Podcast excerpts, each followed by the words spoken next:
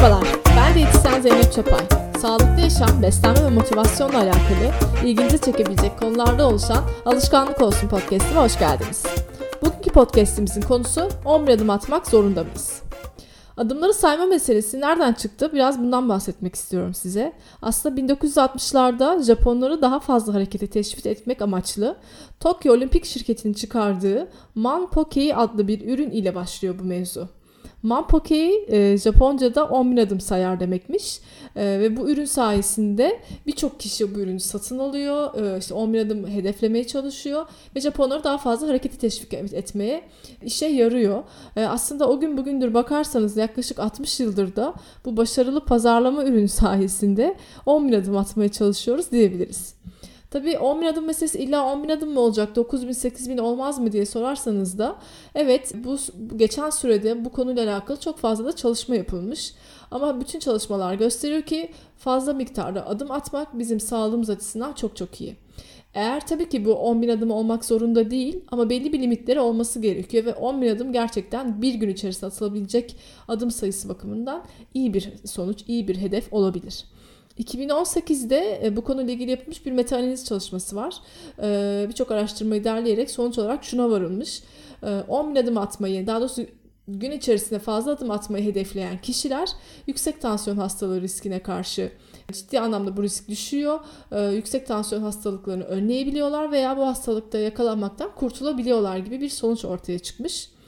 Bu adım sayısı tabii ki e, sayısal anlamda evet 10 bin değil. Belki daha aşağı bir sayı olabilir herkesin yaşına ve fiziksel aktivite durumuna göre ve sağlığına göre. Ama şöyle bir genelleme yapabiliriz. Eğer siz şimdi telefonlarınıza da bakın beni dinliyorsanız eğer 2500 adımın altında bir adım atıyorsanız gün içerisinde hareketsizsiniz demektir. Bunu kabul edelim şimdi. Eğer 5000'in altında adım atıyorsanız yani ortalama 5000 ise diyeyim daha doğrusu e, az hareketlisiniz demektir. E, iyi hareket edin, etmek e, ve gerçekten de aktif bir yaşam olduğunu söylemek aslında 5000'den daha fazla hareket etmek, hedef olarak da 10.000'i tutmak diye söyleyebiliriz. Tabii bu araştırmalar, çalışmalar sonrasında hem Dünya Sağlık Örgütü hem de birçok sağlık otoritesi tarafından 10 adım atmak evet sağlık için önerilen bir tavsiyedir. Bizim sorumuzun cevabı da sağlığımız için 10 bin adım atmak zorundayız mıyız sorusunun cevabı da evet zorundayız olacaktır. Peki bu soruyu sorduktan sonra arkasından bana genellikle şöyle sorular da gelebiliyor. Peki zayıflamak için 10 bin adım atmak yeterli midir? Zayıflama programlarında tabii ki adım atma sayısı çok çok önemli ama burada adım sayısı tek başına yeterli değil. Ben bana gelen danışanlarıma genellikle evet adım sayısını telefondan kontrol ediyoruz genellikle ama Baktığımızda o 10 bin adımı nerede yaptı? Yani AVM'de mi gezdi? Çarşı pazar mı gezdi? Yoksa zaten hani her zaman attığı adım sayısı mı o? O bizim için çok önemli bir kriter değildir. Eğer zayıflama amacındaysanız, kilo vermek istiyorsanız aktif yürüyüş yapmak gerekiyor.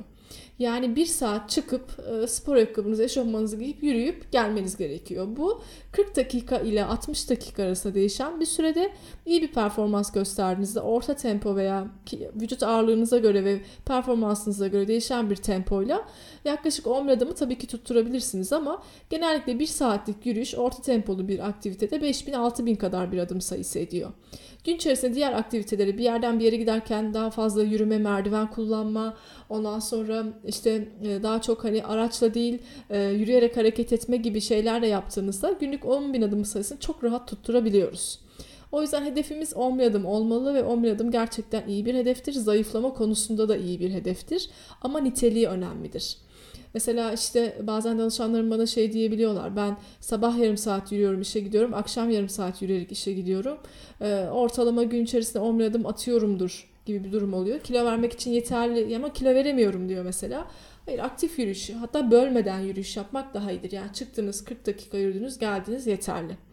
Bunun dışında tabii ki e, yani kilo verme amaçlı en en ideal şeylerden bir tanesi hep yürüyüş diyoruz ama farklı spor dalları da önerilebilir. Fakat ben özellikle çok fazla kilolu olan kişilerde tansiyon ve nabız kontrolü yaptıktan sonra eğer yüksek çıkıyorsa tansiyonu ve nabzı hafif tempolu bir yürüyüş eğer gerçekten de risk oluşturabilecek nitelikteyse başlangıçta e, sadece zayıflama programı, beslenme programı.